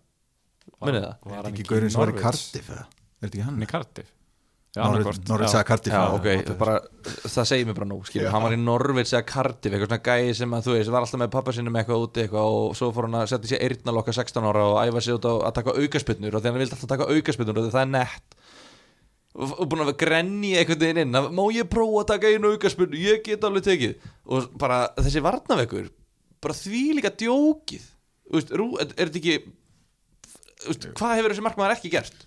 Hann var líka brjálaður við sjálfan sig Já, menna, þú veist er brjálaður sjálfa? Bara velkomin í hópin, það er allir brjálæður úti Já, þú veist, hvað meinar þau? Slefti þessu bara, stilti þessu bara alveg löp Náttúrulega Nuno, hann er gamall markmaður sko og hann, Já, hann já. bara, já, semi drulla yfir hann eftir leik sko Nei, minna, þú veist, þetta er bara Þú veist Ég, ég hef ekki orðið yfir þessu. Þetta er svo barnalegt. Þetta er ekki eins og ásættanlegt í fjórðaflokki. Get ekki stilt upp varnavegt Þetta er að fyrsta sem að markmenn læra á markmannsæðingum Stilt upp veggur og taka einhver útspörk sér Þetta er bara algjör grunnatriði Og hann hann fær eitthvað Skorar þetta mark, fær þetta náttúrulega bara gefins Bara í hendunar Og nú er bara eitthvað, já maður, hann er búin að æfa sér svo mikið í aukaspindum, þetta er svo frábæri, veist, ef ekki að kaupa hann, hann er 4,5 og tekur aukaspindur, þú veist, oi, bara, dreftu mig, bara, ég var svo pyrraður. Jacob Murphy líklega einn af fá leikmönnum sem munu skora í vetur sem er 0,0% eignarhlutvall Er hann með fantasy. 0,0? Já, Já, ok. Hann er með 0,0. það er bara ekki einu sinni mamma og pappi sem er Nei. með hann í liðinu sínu Þú þarft svona fjóra einstakleika til að vera með því í liðinu, til að vera í 0,1, sko. Og hann, hann er, hann byrjaði ekki, byrjaði sísonið Jú, er ekki Game Eh, Week One? Jú Nei, nei, nei, hann Nei, ég meina sko, hann var leikmaður þeirra Já, já, í, í var fyrstu leik það var hægt að kaupa. Það var hægt já, að kaupa hann veist, Sumir eru með 0,0 sem eru bara nýkomnir í leikin Hva, hvað var ég að segja? Hann á enga vini. Nei, engan Hann á enga vini, hann á, þú veist, jésús. Herru uh, allir nýjir hérna Kilman aðdáðandur hann var vendilega verið vonsveiknir Já. með þetta mark En það er náttúrulega það sem umræðupunkturinn við, með vúlslið er að Marsal hann kemur inn á þegar eitthvað kortir eftir eða eitthvað mm. í vinstri vangbækurinn, þeir voru satt með að Kilman í uh, þryggjamannavörninni með Cody og Bóli sem er náttúrulega bara læstir í, í stöðinu sinu og Sæs var þarna vinstri vangbækurinn Marsal kemur inn á og ég held hann kemi kannski inn á fyrir Kilman og Sæs færi niður en þeir voru svona búin að vera alveg þéttir í vörninni. Tekur Sæs út af. Og ég er núna að skýti í mig með Sæs í liðinu mínu. Hvað er að fara að gerast? Mm hvort eftir út í næsta leik? Ég er bara sammálaður, ég er skítrættur En veist, það er líka kannski punktur Hann vildi ekki vera fokka í þreymur öftustu sko Já, það var það sem ég hugsaði, Með sko. lítið eftir að leiknum uh, Já Ég, ég myndi ekki þóra að kaupa eða selja hvorki Kilman, Nýjasæs eða Marsal eða þessum munnum sko. þetta er svo rosalega óvisa hana sko. en sko við, við vitum annarkort Kilman eða Sæs mun byrja næsta leik Já, eða báðir Er það með- mögulega báðir Já. að minnstakosti annar þeirra og ég er að hugsa, ég er með Sæs ok, ímynda sér ef að Sæs byrjar á bekknum fyrir eitthvað fjögra miljóna gulla sem einhverjir svona uh, mjög örir og kvatvísir þjálfarar eru bara búin að stökka og já, ég er með Dunn hérna í Burnley og ég er með Mitchell og ég er með Kilman og ég er með Kane og Aguero Þú veist, þessi gæja, svona, þú veist, svona, eiginlega hjálmar örn fantasy boltans sem eru bara hérna, að spara sér peninga. Ef að þeir eru að fara að fá Kilman í byrjunarliði sitt og hann er að fara að halda hreinu ég veit ekki hvað ég geri. þannig mér, ég, ég, mér finnst ekki geta annað en að kaupa Kilman bara til að tryggja mig. Ok, ég, sko ég held með sæs að hérna, ég heyrði eitt teika á þetta sem var sko, þú veist að býða bara með þangatal maður veit að þetta er orðið vandamál. Veist, ég ætla ekki að fara að skýti í mig fyrir en hann byrjar actually á bekknum skilur ég er ekki að fara að hafa áhyggjur núna og selja hann eitthvað í einhverju pati ef að, þú veist, maður þarf bara að vera svolítið viss um að vera með þrjá aðra varnamenn sem starta þá Já, ég er, ég, er, einmitt- ég er ekkert að tala um að selja sæs Ég er að Nei. tala um að, þú veist, ég er með trend núna til dæmis sem að bara ekki að standa sig eins og sko 6 miljónar vartamæður einu sinni og ég vildi hafa hann á 9,5 þetta fyrir mót Þú veist verði ég ekki bara að selja hann og kaupa Kilman eða selja hann og Robertson og kaupa Kilman og hérna Vestergaard og eiga bara fáralega mikið penning til að fjárfesta fram á þau sko. en þá ertu eiginlega komið með eitt sem að spilar ekki semst, eftir nokkrar umferðir. Já, og það má alveg vera Kilman á 4,1 þá get ég bara haft hann sem þrið alveg svo ég er með Davis núna sem spilar ekki og ef það er Sæs sem hann spilar ekki þá get ég bara selt hann. Mhm. og þá er ég bara með Kilman spilandi og Sæs uh, verður það bara Zuma eða eitthvað. Mér finnst alveg valið pæling Já, takk, En ég er bara að segja að hérna allavega ég ætla ekki að drífa mig að selja sæs Ég ætla bara að star- starta sæs þangað til að hann Já. hættir að byrja og selja hann þá. Ég ætla bara einfalt sko. Þetta, við verðum, þetta verður svo mikill nýfa stunga næstu helgi. Við verðum svo súrir, við erum allir með Sæs eða ekki? Þegar ég Krista Palas heima í næsta leik. Ég veit það, og þetta er, þetta er hreintlag Ég er að segja ykkur það, þeir, Vúls heldur hreinu. Og Ég s- verð að fá þessi stig. Og sá af þessum þremur, Marshall, Sæs og Kilman Sá af þeim sem byrjar á bekknum Hann mun örgulega koma inn á af Því að Nuno hefur verið að gera það. Er það? Marshall hefur verið að koma inn á í síðustu tveim leikjum Já, út af þetta er Marshall. Þetta er svona, ú, ú, eitthvað svona Ú, ég var inn í Líón í mistardöldinni Ég vinstri vangbækur eitthvað Skilur en, Já, Kilman, ef hann, ef hann setur Kilman á bekkin Og þá bara með, þú veist, þá var hann bara með allar stóru byssutnar í byrjunliði Hann er ekkit eitthvað Fljótur Kilman, inn á með við erum að vinna Krista Pallas 1-0 eitthvað, við verðum að breyta það í vörninni Er það? Nei, kannski ekki. Það geta alveg verið punktur hjá þér sko. Ég veit ekki, þú veist En það er bara mjög líklegt að þeir verða að vinna með einu marki. Þeir eru svo ofta að vinna Já. með einu marki í lokin. Þannig að það er alveg líklegt að hann vilja þjætta eitthvað tilbaka í Já, Þannig að ég get allavega taka bara þetta. potens út af eitthvað fyrir Sæs oh, ég er bara oh, ég veit þetta gerist, ég veit að Sæs fær eitt stig í næsta leik. Eru, reynum að klára þetta hérna. Arsenal tapar heimaðli fyrir Leicester Já, nú 1-0. viltu, nú viltu keira tempóið í gang þegar við erum fættir að fjalla um þennan leik. Já, já, ok. Það, er bara, það er bara svo lítið að segja um hann sko. Ég veit Hvað við að segja um þetta? þetta var ógeðslega liðilegt Ég skoðaði hérna tölfræðina um snertingar inn í vítateg já, og veit þið hver var efstur og með hvað margar snertingar ég get alveg trú að það var bara þú veist, tellist ekki markminni með það Nei, veist, í vítateg anstæðingarna, væntalega já, Það lítur, jú, það Jú, lítur jú, það. er það. Efst, mestu snertingarnar inn í vítateg voru sex. Var það Bellerín Nei, það var Saga já, En þú veist, sex. Já, og bara Jamie Vardy vorum að, vorum að tala um tölfræðan eða Jamie Vardy hérna um daginn þegar hann var með sko tvö skot, tvö mörg, núl snertingar núl skot í opnuleik þarna í þessu leik. Tvær snertingar inn í vítadegi anstæðingsins eitt skot, eitt mark, sjö stig þrjú stig í, í, fyrir liðið, grænjend og hlátri. Þetta er bara same old með hann sko. Þetta Hann er alltaf- ógeðslegur. Ótrúlegur maður. Ég ekki hann að gæja og ég var með hann í byrjun skila á hann sem betur fyrir áður en að skora þrennuna og þetta og þetta er, þú veist, í alveg, þetta er svo ógeðslega pyrrandi En þú hefði nú verið trilltur í síðasta, síðustu umferð þegar hann var meittur og spilaði ekki. Þá hefur verið trilltur, ef þú væri með hann. Já, öruglega Já.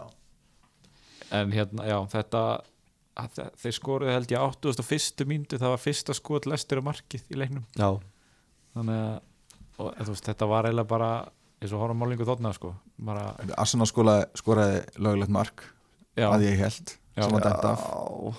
Hvað segir dómarinn um það? ég veit ekki sko, Nei, sko, þetta- það, það, þetta er svona moment þar sem að ég sé bara, já ok, þetta er það sem að eitt og hálft ár án dómgæsli gerir. Út af því að þegar maður er inn í þessu þá er maður svo úgislega fergi bara, wow, ok, þa þannig er maður riðgæður út af því að ég veit, ég veit ekki, hann er, hann er alveg onni Kasper Pranker, ég held þetta sé rángstæða Mér finnst það nefnilega að vera alveg skona einum Má til ég- tveimur metrum frá markmanninum fyrir aftanan Mér finnst hann ekki geta verið að trubla markmannin á nokkurn hátt sko. má ég segja það sem ég finnst? Já, skoðun að maður sér á sig já, sko, ég skil það rosalega vel að línuvörðurinn hafi dæmt þetta sem rángstöðu af því frá hans sjónarhóttni þá var þetta bara, þú veist, það var hann bara klárlega fyrir honum. En svo þegar maður sér og ég ger ráð fyrir að var hafi séð sjónarhóttni fyrir aftan markið þá sér maður að Sjaka er ekkit ofan í honum, hann er alveg góðu skrefi einu hálfu metri eða eitthvað frá Smækkel og Smækkel tekur skrefið í áttað boltanum þegar hann kemur úr hotspinni þannig að veist, ég veit ekki, mér fannst aftur við tölum við var, mér fannst bara að þetta stíga inn í og gera það sem var á að gera. En nei, en var á samt sko að leiðir þetta augljós mistök. Já.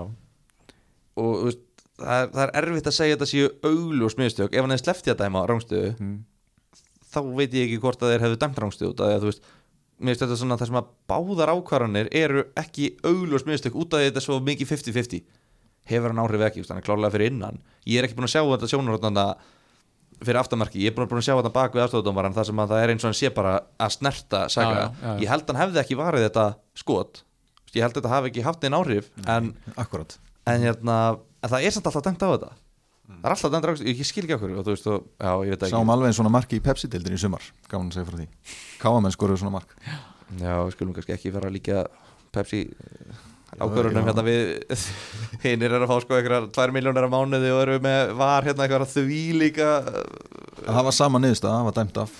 Þannig að það er náttúrulega alveg hérna alveg ljóst að marka á þriði mínútu hefði breytt leiknum en þú veist, óhá því að þá var Arsenal liði var skjálflegt í þessu leik. Uh, Lester gerði bara þeir sem að þeir ætluðu að gera og voru bara þéttið tilbaka og feng, settu vorti inn á 60 mínútu og fengu eitt mark og það duði til Þetta er enn eitt leikurinn og enn eitt skipti sem ég kem eitt í sett og fyrir að tala um hvað lestir er ekkit sannfærandi. Það er ekkit merkilegt við þetta lið. Þeir eru síðan bara í Evropabaróttu nei, mestaradölda sæti og hérna stíu eftir liðupuleldi Og hrunið hjá Harvey Barnes. Hann, Já. hann var svo, leit svo vel út fyrir nokkrum umferðin síðan. Já, en það er verið einhver ég, ég gruna, mig grunar Aron Já, ég hef skemmt hann. að þú hafi lekið í til hans að GT hafi keift hann í Fantasí Já, eða bara ég, eða ég kefti hann í fantasy. Og keftið þú hann á saman tíma eða umferða eftir eða eitthvað. Já, já, já. Skila hann strax aftur. Þá er grunurinn komin yfir á Gunna. Já. Ég nýtti minn 30 að skila rétt já, já, skila honum. Já, já, ég glemdi því og ég sitt uppi með útrunna vöru. Algjör vörusvik og bara, ég er hérna að reyna að sína vöruna bara, þú veist, ég er ekki búin að nota hana neitt. Hún er ekki búin að gefa mér neitt notakildi. Má ég skil henni? Ég fæ bara nei Kosta já, já. En ég á tvær skiptingar eftir núna, sko, ég er búin að safna. Herru. ég verð eða að losa hann, sko, þetta er því líka drast, rusl, prumpuð sem hann er, sko. Herru, talandi um drasslrusl hérna. Brighton og Westbrook Úff. gerir eitt eitt jafntefli. Uh, Er þið báðir með landi eða annarkur ykkar? Ég er með hann. báðir. Já, Þetta var náttúrulega Já, það var svo svekkjað að fá ekki assist á þetta mark sko Hann skýtur, eða, gefur hann fyrir og hreinsað í annan varnamann og inn. Þannig að það er ekki assist af því að hann fór í tvo. Það var ekkert ég á leiðinni. held meiri sem að fara í þrjá. Já, snerti þrjá. Já, Já, fyrst þarna deflection af eh, fyrsta vartamanni svo gefur hreinstunin en boltinn var ekkert á leiðinin þannig að það er eiginlega ekki hægt að gefa sjálfsmark á þetta. Eh, nei, þess að assist segi ég. Augljóst sjálfsmark svo sem. Ég ætla ekki að vera mótmála því. En já, uff, hvað það var byrjandi hann var stórhættulegur í svona leik. Þeir voru alltaf að finna hann með risa svæði og bara skemmtilegur leikmaður. Já, þetta er alltaf svona, leik eftir leik. En hann er ekki að skila stíðunum sko. Ég býð spenntur eftir þeim. Svona öfugt við Jamie Vardy. Já, og svo Myndi þið setja hann í kaupa eða, þú veist? Um, hann, er, hann, hann á tóttina í næsta leik Hann Mm. ekki núna allavega. Hvað kostar hann? uh, Fjóra sjö. Já, ég myndi ekki setja hann í kaupa út af því að það er bara miklu meira valjú í Chelsea og Southampton eins og er, myndi Já. ég segja. Já. Þeir halda ekki hreinu heldur. Jafnvel Leeds, nei, Brighton heldur ekki hreinu Mhm. og uh, oh, nú var ég með eitthvað heimöðunum, nú er ég að gleyma heimöðunum sem ég glemdi að koma með út af hundinum. Það var, nei, talaði hans áfram, ég ætla að finna þetta. Herru, mér langar ekki að segja neitt meira um henni leik. Ok, þá ætla ég að tala þess um þetta. Já, Neil Mopay og nú veit ég að ég fæ bakka frá einum hérna í stúdíónu hvernig gata hann ekki skorað? Hvernig þetta- gata hann ekki skorað? Sko þetta var ein, sko Hann skildi fótinn eftir sko Tveimu metru frá líkamannum markmaðurinn svona, Hann skuttlaði sér í annað hotni Skildi bara, hann fór í stóru tána sko já. Langt frá líkamannum hann, sko. Þetta var ótrúlega vasla. En svona, þú veist ég veit ekki, ég vil meina að það sé alveg hægt að lesa þetta þegar allur stóri líkaminn á þessum markmanni er að færast í þessa átt þú veist, auðvitað skilur hann eftir löppina, auðvitað loppar honum auðvitað liftur honum aðeins bara innafótar í fjárhjóðni, þú sérð bara hvert markmann er að fara.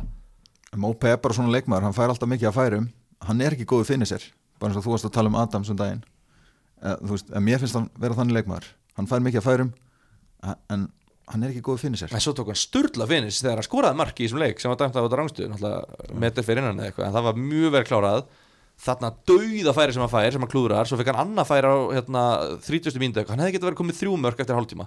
Það var ótrúlegt að fylgjast með þessu ég bara vissi ekki hvert ég ætlaði og bara, þú veist, Lallana geggjar mér varst bara, þú veist, þeir eru að spila skemmtilegan fótbolta þú veist, og Trossart er flottur hérna líka og hérna Mar Soli Mars er skemmtilegur fyrir mig, er líka skemmtilegur leikmaður? Já, Lallana vakti aðtekli á mér. Hann var að leggja upp nokkur góð færi. Hann er ógeðslega góður í fótbolta. Þetta er svo nákvæmlega levelið hans líka. Spila fyrir svona 10. til 15. besta lið og vera bara maðurinn þar í tíunni. Bara, þú veist, eins og var hjá það, þetta bara þú veist, sóknarlega, þetta mun alveg detta en ég er orðin pínu grömpi við því að ég kaupi Mopay þegar hann er að skora í hverjum einasta leik og taka víti og fullt í gangi og svo núna er ég búin að kaupa hann, uh, spila hann í tvo leiki og þú veist, það mátti West Bromwich heima. Rifðið í gang og skoraði allavega eitt mark.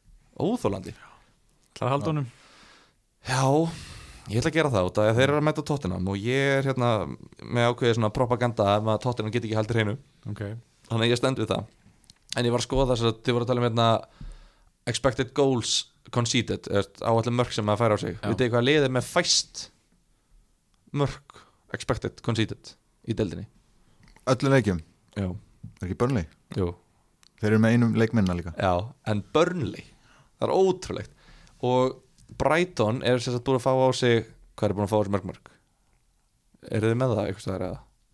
Í fljótu bragði. fletti ég var þetta að skoða að að þau lið sem hafa fengið á sig þess að Brighton og Liverpool hafa fengið á sig sex mörgum meira en þau ættu að hafa fengið á sig. Brætum að fá sér 12 mörg Já, þeir ættu að vera búin að fá á sig sex miða við þessa tölfræði. Liverpool er búin að fá á sig hvað 14 Já, þeir ætti að vera búin að fá á sig 8 ok, og það segir mér með Liverpool ástæðan fyrir því að Liverpool er að fá á sig meira segir mér ok, þeir eru búin að vera með vonlösa markmann. Og þeir eru búin að vera að grínast bara, þú veist, það er bara búin að grínast aðeins. Þannig í vördinni á Liverpool. Brighton vördin, þú veist hva, hvað er að gerast þar? Þeir eru með Matti Ryan í markinu sem er bara prúven, búin að vera þetta í mörg ár. Oft haldir heinu að fullt, það er alltaf fullt af leikmunum með Ryan í markinu. Langt að ég er búin að koma flottur inn í hægri bakurinn þeir eru með Lewis Duncan þá sem er búin að spila alla leikina með síðasta leik. Þeir eru með Webster sem var þetta mikið í fyrra. Uh, Þeir eru með hann á White sem er eitthvað mjög sérstaklega góður? Já, menn er að tala mikið um Væð hann var ekki í fyrra Nei. hann er búin að fá gott umtal núna. Hann var í Tvei, lítsi fyrra. Já, tveir nýjir varnamenn sem eru búin að fá gott umtal. Mm. Hva, hvað er ég? Hverju er ég að missa af Af ég, ég er búin að sjá einhverja leiki á Brætunum Ég finnst þeir bara Ég veit ekki, þú veist, þeir eru bara einhvern veginn Þeir bara líta Þeir líta vel út En þeir eru bara svo ekki solid Þú veist nei, en alltaf lítur Þeir eru einhvern veginn bara að reyna að spila of mikið fótballtastundum Já, þú veist, opnið tilbaka, þetta mark sem að Vappi að skora hann er einn á móti fimm eða eitthvað inn í vítadegnum og bara, hann, svona, hann rétt nær ekki að tegja sig í boltan hann vantaði löppina þarna á Vappi að markmannunum til að ná að tegja sig í boltan þú veist, og eitthvað svona, þetta, ég, bara, ég, ég veit ekki. Ég, ég veit ekki svarið við þessu, af hverju er Brighton ekki að delivera, vantanlega, veist þetta lítur að fara að koma. Ef XG er svona heilat fyrir Che Adams, þá lítur að vera líka fyrir Brighton vörðina, ég trú ekki öru eina sem er grunnaði var hérna, að þetta væru Jack Stevens áhrifin hann er, hann er farin í Burnley og hvort að, hvort að það sé svona mikill missir hvort hann hafi verið ríkala vanmetina hann fer í Burnley og þá bara eru Burnley að múra fyrir og eru með minnsta, Já, Dale Stevens já Dale Stevens minna já, já. uppból Já. 4,5 miðum ára okkar allra Þetta er aðtilsverð til að ég held að þetta sé ekki samt ástæðan það var eina sem að mér dætt í hug Já. En bara, ég er bara pyrraður, ég bara var þetta er heima hana En herðu, að því að þú veist að tala um að, að Tottenham gæti ekki heldur hreinu Það er nú akkurat þess að gerði á móti Burnley.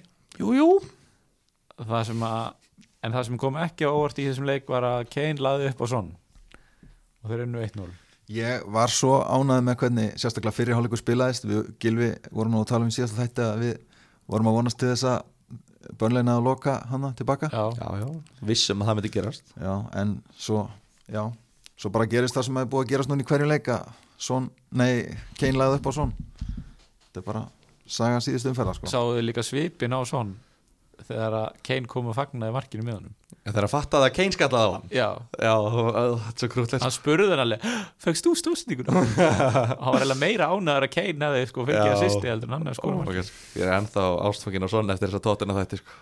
Vá, ég er bara, ég, þetta er bara Þetta er mest likeable náungi í heimi sko. í halvverðinni sko. og bara þegar að, já þurfum ekki að tala um þess að tóttina þetta en þegar ég fikk raukt á þetta Chelsea fyrir að var eitthvað greinindi fyrir að fá það raukt, ég bara, mér langaði að fara inn í sjónvarpið og bara knúsa hann og bara hugga hann bara, þetta er allt í lagi. Það, er, það hattar enginn fyrir þetta.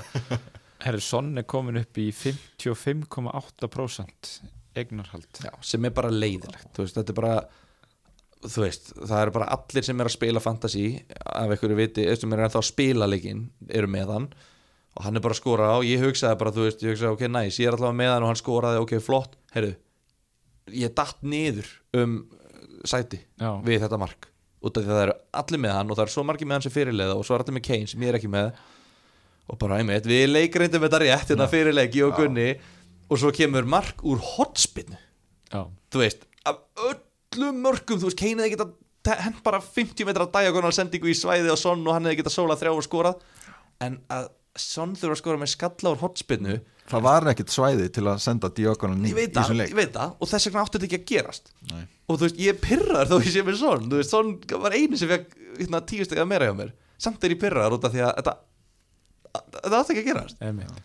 Uh, Son og Kane lang tveir stigahæstu leikmennir langt tveir Já, tveir langhæstu eru með 69 og 65 stig og næstu menn er í kringum 50 þannig að þetta er bara já, ég er allavega, þó að ég hafi keift Kane fyrir Jimenez, þá er ég bara mjög ánæður með það að vera komið með hann og næsti leikur hjá þeim heima móti Brighton sem Já. við vorum að tala um og eru opnið tilbaka vilja spila boltanum, koma fram á völlin mm -hmm. Ég held að það geti enda með einhverju veistlu hjá svona Kane, ég er bara skítrættur um það sko. Já, og Brighton eru líka, þú veist það eru, það eru tvö lið af þessum neðri liðum finnst mér sem eru svona naíf, eða svona, svona þrjósk með sín, sín leikstíl, það er Southampton og Brighton. Bara við ætlum að spila okkar leik og við erum að byggja eitthvað upp hérna þú veist, Vestham er ekkert að byggja neitt upp eða þú veist, það er engin svona leikstíl en Brighton er bara með sinn leikstíl og þeir spila hann á móti Chelsea, þeir spila hann á móti Liverpool þeir matcha það alveg í leik en svo tapa þær í leikunum, en þeim er alveg sama. Ég held að munu gera á móti tóttinum og ég held að þarna sé svæðið fyrir svon sem hann mun vilja fá og, og ég er anstir hættur um að ég gæti endað á að kaupa Kane. Það, fyrir tvo leiki? Tvei léttir í næstu og svo erfiðara program ég meina, hvað er erfitt í næsta program? Er mannjú sko- ekki erfiðuleikur eða það er ekki Liverpool yfirleitt erfið viðraugn ég, ég man eftir nokkru leikjum það sem Kane við skorað á móti Liverpool. Sérðu það er bara raut Það er City heima, Chelsea heima. Nei, Chelsea úti, Arsenal heima. Já, já, Kane getur skorað í þessum leiki. Við erum að tala um að hann er að mata þetta fyrir svæði. Við viljum ekki hafa hann á móti börnlegi sko. ef að það gildir, þá gildir að við viljum hafa hann á móti City og Arsenal sko.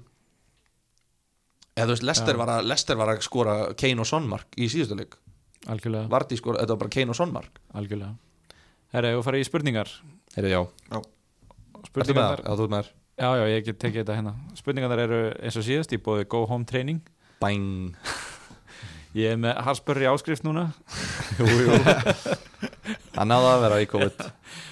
Uh, Alvöru árangur þar. Þannig að hérna uh, Já, spurningar Við minnum náttúrulega bara hlustendur á að follow okkur á Instagraminu Fantabröð til þess að mitt geta bombað inn svona spurningum. Já okkur finnst það eiginlega að, taka þetta í gegnum það.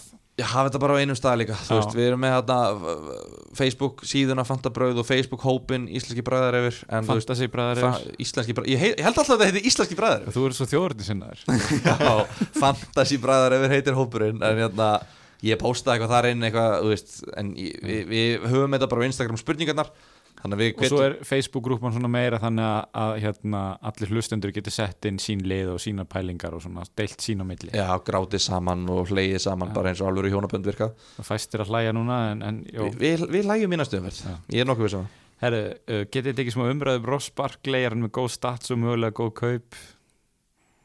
Hvað segir um það? Já, við Vorum við ekki að Vorum- búnir að því kannski? Snertum aðeins á því áðan? Við gerum þetta eiginlega alltaf óvart. Við erum eiginlega alltaf búin að tala um það sem að spurningarnar eru. Svona Já. þannig séð. Við erum ekki með statsin Við bara við ekki Sýr það ekki bara að við erum sem að tala um réttu hlutina? Jú, við erum ekki með stats fyrir þetta Bara tilfinningar. Herru, ok, Kane, Vardy eða Ings, er það ekki bara Kane?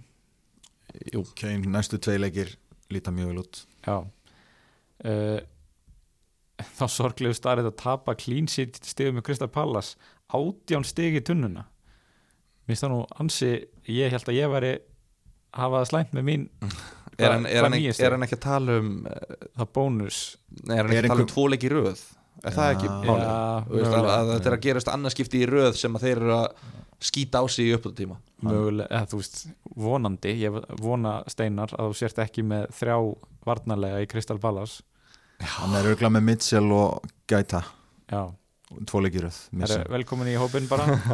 Uh, Mun Bamford Brönsin halda áfram Já, ég held það Bara því miður Já.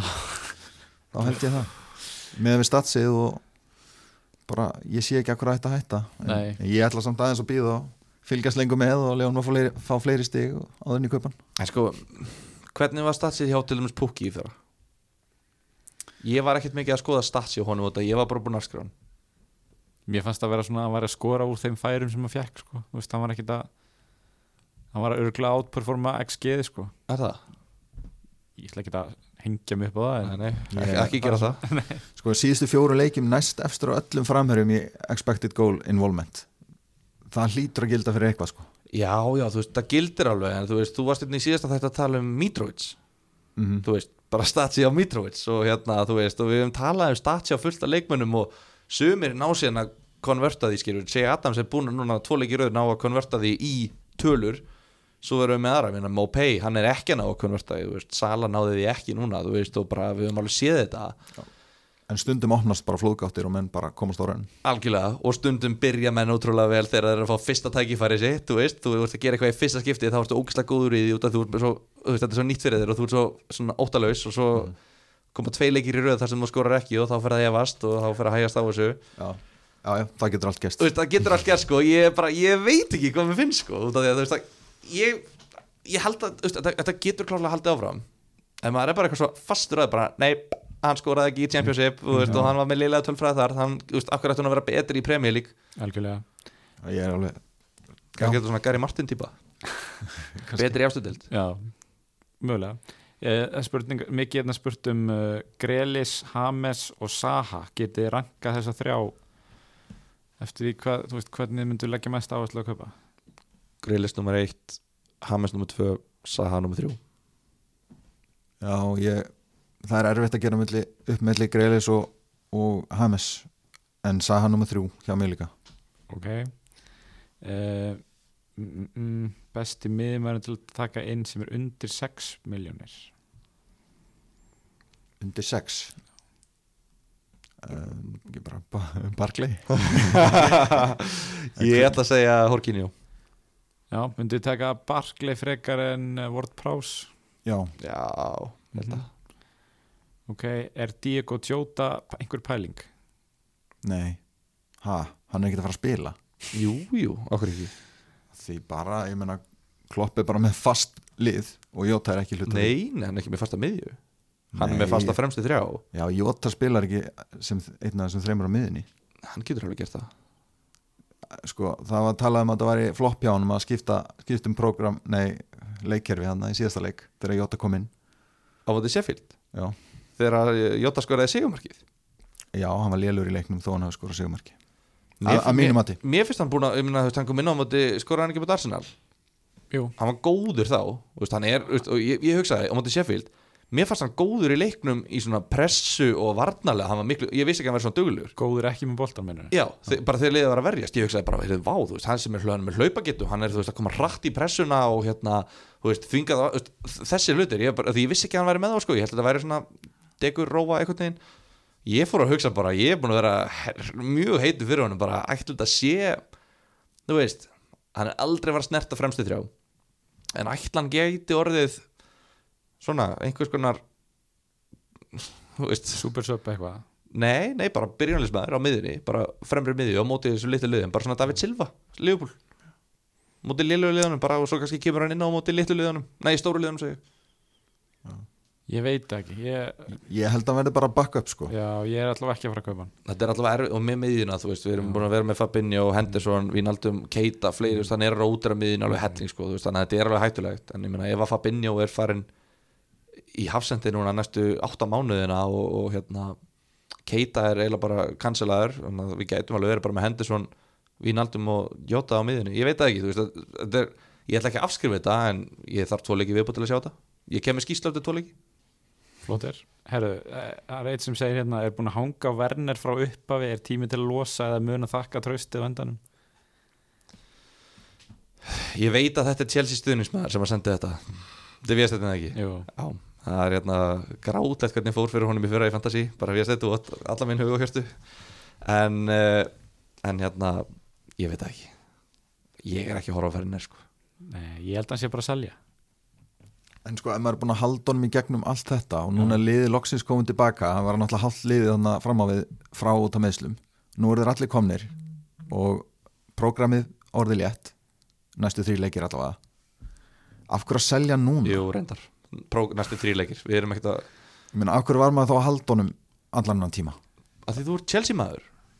Og Já. þú bara er blindur. Bara vildir ekki sjá það. Herðu, þú veist, ef, ef þú ert, ef þú ert hérna ef þú ert í hérna, lélögu hjónabandi þú ert hérna óhæmingisamur og svo hugsaður, er ok, ég ætla, að- þjarka hérna í gegnum einn mánuði við búin að sjá hvort það breytist. Og það breytist ekki neitt og svo er að koma sumar, þú veist, hvað, ég meina, hvað, hvað er það að gera? Bara, heyrðu, næs, ok, ég held bara áfram með henni hérna í mánuði viðbútt, það er bara, við eigum gott sumar og svo verð ég bara þunglitur aftur í vetur. En ef þú ert orðin 70 og búin að vera með konni í 50 ár Já, bara burtu með að- hana, bara burt. Ætlarðu að hendin í burt þá? Já, takk og bless. Takk og bless. Veit ekki hvað skilabóð þú ert að senda hérna. Bara að það er aldrei á seint að vera hafingisamur Skilaði verðin og hættu með konunni. Skila honum. Burtu með hann. Herðu, uh, Gunnar Stefán segir ég er ekki með ein, einasta sittimann er möst að breyta því Störling, De Bruyne, Fótan til dæmis. Er ekki bara sem við sögum á hann bara Jú. býða fram með þess að þrjá, fjóra leiki hérna og horfa á þetta í tíunduferð Jú, Eða hoppa á það núna. Hvern? Bara, Fótan, ég meina hvað sagði hann, Störling De Bruyne eða Fótan Já, ég meina, þú ert ekki með þetta brönja núna. Mm. Kauftan Núna. Annarkvort kaupa núna eða býða eða býða með að kaupa núna Já, ok, Þetta er mjög, annarkvort þetta er mjög skýrt. Annarkvort kaupa eða ekki kaupa sem sagt. Já, þetta það er skilabóðin Já, ok, annarkvort Ok, og síðasta spurningin hvað á að gera við Trent? Ég er, í, ég er blindur þar. Ég, ég, ég, ég er ég er með Trent er eins og Viestedt með Werner. Þú veist, ég er þarna bara í, í mínu hjónabandi með Trent og mér líður ekki vel með honum og ég bara vil ekki vera með honum. En ég hugsa að þetta er búið að vera helvitis basl og það hlýtur að byrta til. Þú veist, ég, ég veit ekki maður. Segið mér að losa mig við það. Sko, Allavega, ég ætla að segja, ef að Antonio er meittu núna Já. í næsta leik Já. þá myndi ég halda. Í eitt leik eða all, Hvað lengi? bara eitt leik og endum þetta svo Já, Ok. það skiptir ekki ekki hvað Antonio er meittur lengi. Þetta er bara, við erum að tala um Trent hann er að mæta Antonio í næsta leik. Já, nei ég er að segja sko með Trent þú Já, veist, halda honum í einn leik. Já, Já, ég, þú veist, ég sagði síðustu viku halda fram meður Sheffield leikin svo kom markað það. Já, sem var ósangjant já, já, En ok. Og ég ætla að segja aftur núna. Ég, hérna, ef, að- Sérstaklega ef Antonio er meittur Ég held að hann sé aðal marka ógnin hjá Vestam Já, ég er sammála því, en ég held bara að við munum ekki fá að vita hvort Antonio sé að fara að spila fyrir en bara uh, klukkutíma áður þegar mm. byrjunarliði kemur. Ég held að hann hljóta að spila hann lík þú veist. Ég, ég trú ekki öðru en ég þóri samt ekki einhvern veginn að selja hann en mér langar að selja hann út að ég held að Leopold sé kannski fara að halda einu, einu sinni í næstu fimm leikjum. Og ég þarf bara meira frá 7,5 miljón krona hérna vardamanninu mínum. Erstu með pró prógrami hjá Já, uh, já þeir eiga Vestham, Manchester City Leicester, Brighton, Wolves Já, Hva, það, hvað er reynd lag þarna? það er góðu tímpuntur að selja hann eftir Vestamleikin, finnst mér. Já, ég veit það ekki. Ég og tvær skiptingar núna, ég verði eiginlega að selja núna til að búa til pening sko, eða þú veist að því ef ég ætla að sapna, eh, sem núna, ég er með Trent og Robertson. Ef ég ætla að hérna, sapna mér einhverjum pening, þá þyrfti ég eiginlega að selja þá tvo. Annan eða báða, já. Já, menn segjum að ef ég selja það báða þá get ég uppgreita Keinan Davis á 4,4 upp í Kane á 10,5 Já, já, og mér langar að gera, mér finnst, ég væri fára til að breyta Davis í Kane sko. En ég vil ekki taka mínus fjóra þannig að ég þyrfti þá eiginlega að selja annan þeirra núna til að eiga þá, eða, eða báða núna eða eitthvað til þess að eiga til að geta gert þetta í tveimur ég þarf að gera þrjá breytingar og þá hef ég tvæ- tvær umfyrir til þess. Oh, þetta er ég, Ég er svolítið, þú veist, ég veit að ég er þetta kommenta eftir að eldast mjög illa sko, en Trent eða sett, Sheffield leikurinn var svolítið bara síðasti senn hjá mér sko ég hugsaði bara að þeir halda ekki hrein í þessum þá er ég bara ekki að fara að halda hreinu. Og Já. með að þessi leiki sér eiga framundan og bara hvað er þetta að nota annað peningin í þá er ég svona svolítið, þú veist ég er að plotta að selja hann í þessar umferð sko. Þú ert að plotta það? Já. Og ég veit ekki alveg hverja ég eða þú veist aðal ástæðan fyrir að ég er kannski ég er alltaf, ekki að gera breytingar fyrir á fyrst dæn, það eru Evrópuleikir í vikunni og annað. En hérna ég veit bara ekki alveg ég var að hugsa um að kaupa Aston Villa varnamann og þá helst Konsa en eins og þú Gilvið þá er ég mjög heitur fyrir Kurt Zuma allt í einu. Yes maður. Yes. Og hérna, mér finnst ég vera svona líka svolítið að, að uh, tvítryggja mig með Rhys James með þá að ef hann spilar ekki að þá er ég allavega með varnamann í Chelsea í þess að þrjá leiki sem að þeir eiga hana. Líka við hugsaum þetta einu lengra. Ok, segjum að við kaupum Kurt Zuma mm. og Liverpool heldur hreinu bara í tveimur leikjum af þessum þremur, næstu þremur. Vestham City Leeds eða ekki? Nei, þetta er Leicester, Vestham City Leicester já, já, já, Ok, ef þeir halda hreinu í, í tveimur af þessu leikjum, þá bara hugsa maður ok, þetta er, að gera, það er ekkert mál að fara tilbaka. En ef þeir halda hreinu í einum leik Vestham en ekki City og hinu ég meina, Kurt Zuma er að fara að halda hreinu í allavega einum af næstu þremur. Mhm. við erum, að, við erum alltaf, við erum er mjög líklegt að við fáum jafn mikið ef ekki meira fyrir Kurt Zuma í næstu þremur þannig að við erum raun að kaupa okkur smá tíma til þess að meta þetta. Ef þeir haldi ekki hreinu í næstu þremur Liverpool, ef þeir fá þessi marki öllum næstu þremur leikjunum þá erum við bara þá sluppum við bara fyrir. Ég veit, þú ert eiginlega að selja mér að selja trend fyrir Zuma. Ok, það er bara djúfalli maður. Já, ég, já, já, uh, sko, já, einmitt. Bara, ég nú er ég, þú veist maður þarf svolítið að limita sig við að hugsa bara stutt fram í tíman af því að, einmitt, mér langaði að kaupa Aston Villa varnamann eh, þegar eiga Southampton í næsta og ég er svona ég er eiginlega farin að hugsa bara eitthvað ekki einu þannig, sko bara hvort á ég að kaupa Konsa eða Suma, hvað segir þið? Zuma Já, ef að peningar er ekki issue þá Zuma peningar eru ekki issue hjá Aroni Gunni, hvernig ætlar að læra þetta? Hann er endar alltaf með miljónir í bankunum sko. Já, já, hvenær ætlar að læra þetta? Það er ekki vandamál fyrir Aron að versla Það er eitthvað besti verslunamaður sem ég séð. Heyrðu, Þú elskar að kaupa. Já, ég elskar kaupa, ég elskar líka eiga í bankanum. Ég veit það, þú elskar bæði. Þú nærið alltaf báð Ég og Gunni, við erum alltaf annarkvæmt að kaupa eða safna sko. Þú gerir bæði. Djúvel er þetta sniður. Heyrðu, ætlaði að gera einhverju breytingar fyrir næsta umferð? Gilvi, þú ert náttúrulega með tvær. Búin að, Ég á tvær. búin að ræða að selja Liverpool félagana þína. Ertu að hugsa um að selja einhvern annan eða þú veist, ertu ennþá með Potens Nei, ég er bara með barnsfýblið sko Já, En mér langar að gefa honum aðeins meiri sjans Þú veist, mér langar að gefa honum lýtsleikin allavega í næsta leik. Veist, Þetta er það sem ég er að tala um að ég, veist, ég þarf að sapna pening. Mér langar að losa pening úr vörninu og setja hann í sóknina. Þannig að ég, veit ekki ég, En ég vil ekki selja bæði Trent og, og hérna, Robertson Fyrir eitthvað ódýra og taka mínustig. Þá ertu náttúrulega búin að gera svolítið svona breytingar á veist, liðinu, templateinu til framtíðar. Já, veist, ég gæti gert þessar þrjá breytingar En ég vil ekki taka mínus fjóra til að ná inn Kane einhvern veginn En samt langar mér að kannski, ég veit það ekki. Ég þarf að sjá til, ég, ég ætla bara að segja pass Ég veit ekki hvað ég ætla að gera, ég er ekki búin að Ég er ekki búin að skoða En þú veist, ef það er eitthvað sem ég ætla að fara að pursúa hérna, Þá er það Kane sko. Að reyna að ná honum inn. En það er svona, það er það sem er sagt þegar maður er óviss þá er best að gera ekki neitt. Já, ætla að koma sér vel síðast. Já, ef maður á tvær skiptingar þá verður maður eiginlega að gera eitthvað sko. Já, ja. En maður mögulega getur fundið eitthvað sko. mm Já, ég, er, ég er svolítið í þeirri stöðu ég er, ég er alveg sáttu með liðið mitt fyrir næstu umferð. Uh, En ég verð að gera eitthvað því ég á tvær tvö transfer. Og þetta með Dinje sko, ég held að hann væri að fara að tryggja leikja bann þá hefði ég náttúrulega selt hann. Ég veit ekki, ég er annarkvort að fara að selja hann eða Rhys James já. sem er svona rotation risk eins og við erum búin að tala um. Og seldu dinni fyrir Zuma? Förum allir í Zuma? Akkur ekki Já, það er góð spurning. Er, Erum við ekki alveg á því að zooma frekar en chillvel eða? mm, Ég veit það ekki. Ég, ég myndi taka til vel sko. En það, 5.8 Já, eh, hann er náttúrulega orðin svolítið dýr sko, það er alveg rétt en Hvað er myndi 5,1? reyna- Já, Ég held ég myndi reyna að finna peningi fyrir honum sko.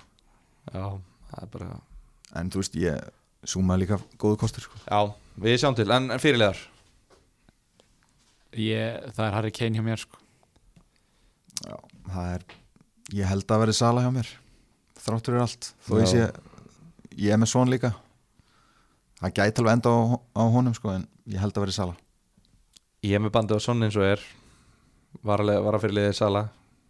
Ætli ég, ég breytið ekki líka Fyrst, Sá besti er að gera ég hef nú ekki verið að hitta á kaftinu á þessu tímabili sko. Nei, nei, en, en þú ert sá besti. En Ég ætla að kalla það á meðan ég geta Því að ég, mér sýnist að ég mun ekki geta að kalla það aftur á næsta ári En hvað segið þið fyrir okkur sem erum bæði með Kane og Son? Af Því fyrir mér er Bara flott hjá ykkur bara maður, spurning vel gert. um hvort maður á að hafa sem kaftin uh, Kane já, ég held að ég myndi segja Kane líka Þið vitið, þarna, logiki mitt er að þú veist ef þú skorar lítið í umfyrin undan þá skorar mikið næst sko mm -hmm. Ég er að byggja Kane varlega á, svolítið á því pluss það er náttúrulega hann er með vítin. Mhm. Er ekki svolítið langt síðan að þeir fengu víti? Hvernig er það? ég, þeir eru ekki búin að fá víta á þessu tímabili. Jú, mótið tóttinu Nei, mótið manni já, sorry, Kane er með. Þeir eru búin að fá eitt víti. Búin að, búin að gleyma þessum leik. Hann er búin að stróka þetta út úr Hann minningunni er löngu farin hausnum á mér sko. Er Herru, De Bruyne er búin að leggja upp á móti Marseille. Ákveð á Ferran Torres. Og Real Madrid er að tapa 1-0 á móti Mönchengladbach þeir eru ekkert að fara áfram í mistardildin því var það ógeðslega fyndið maður.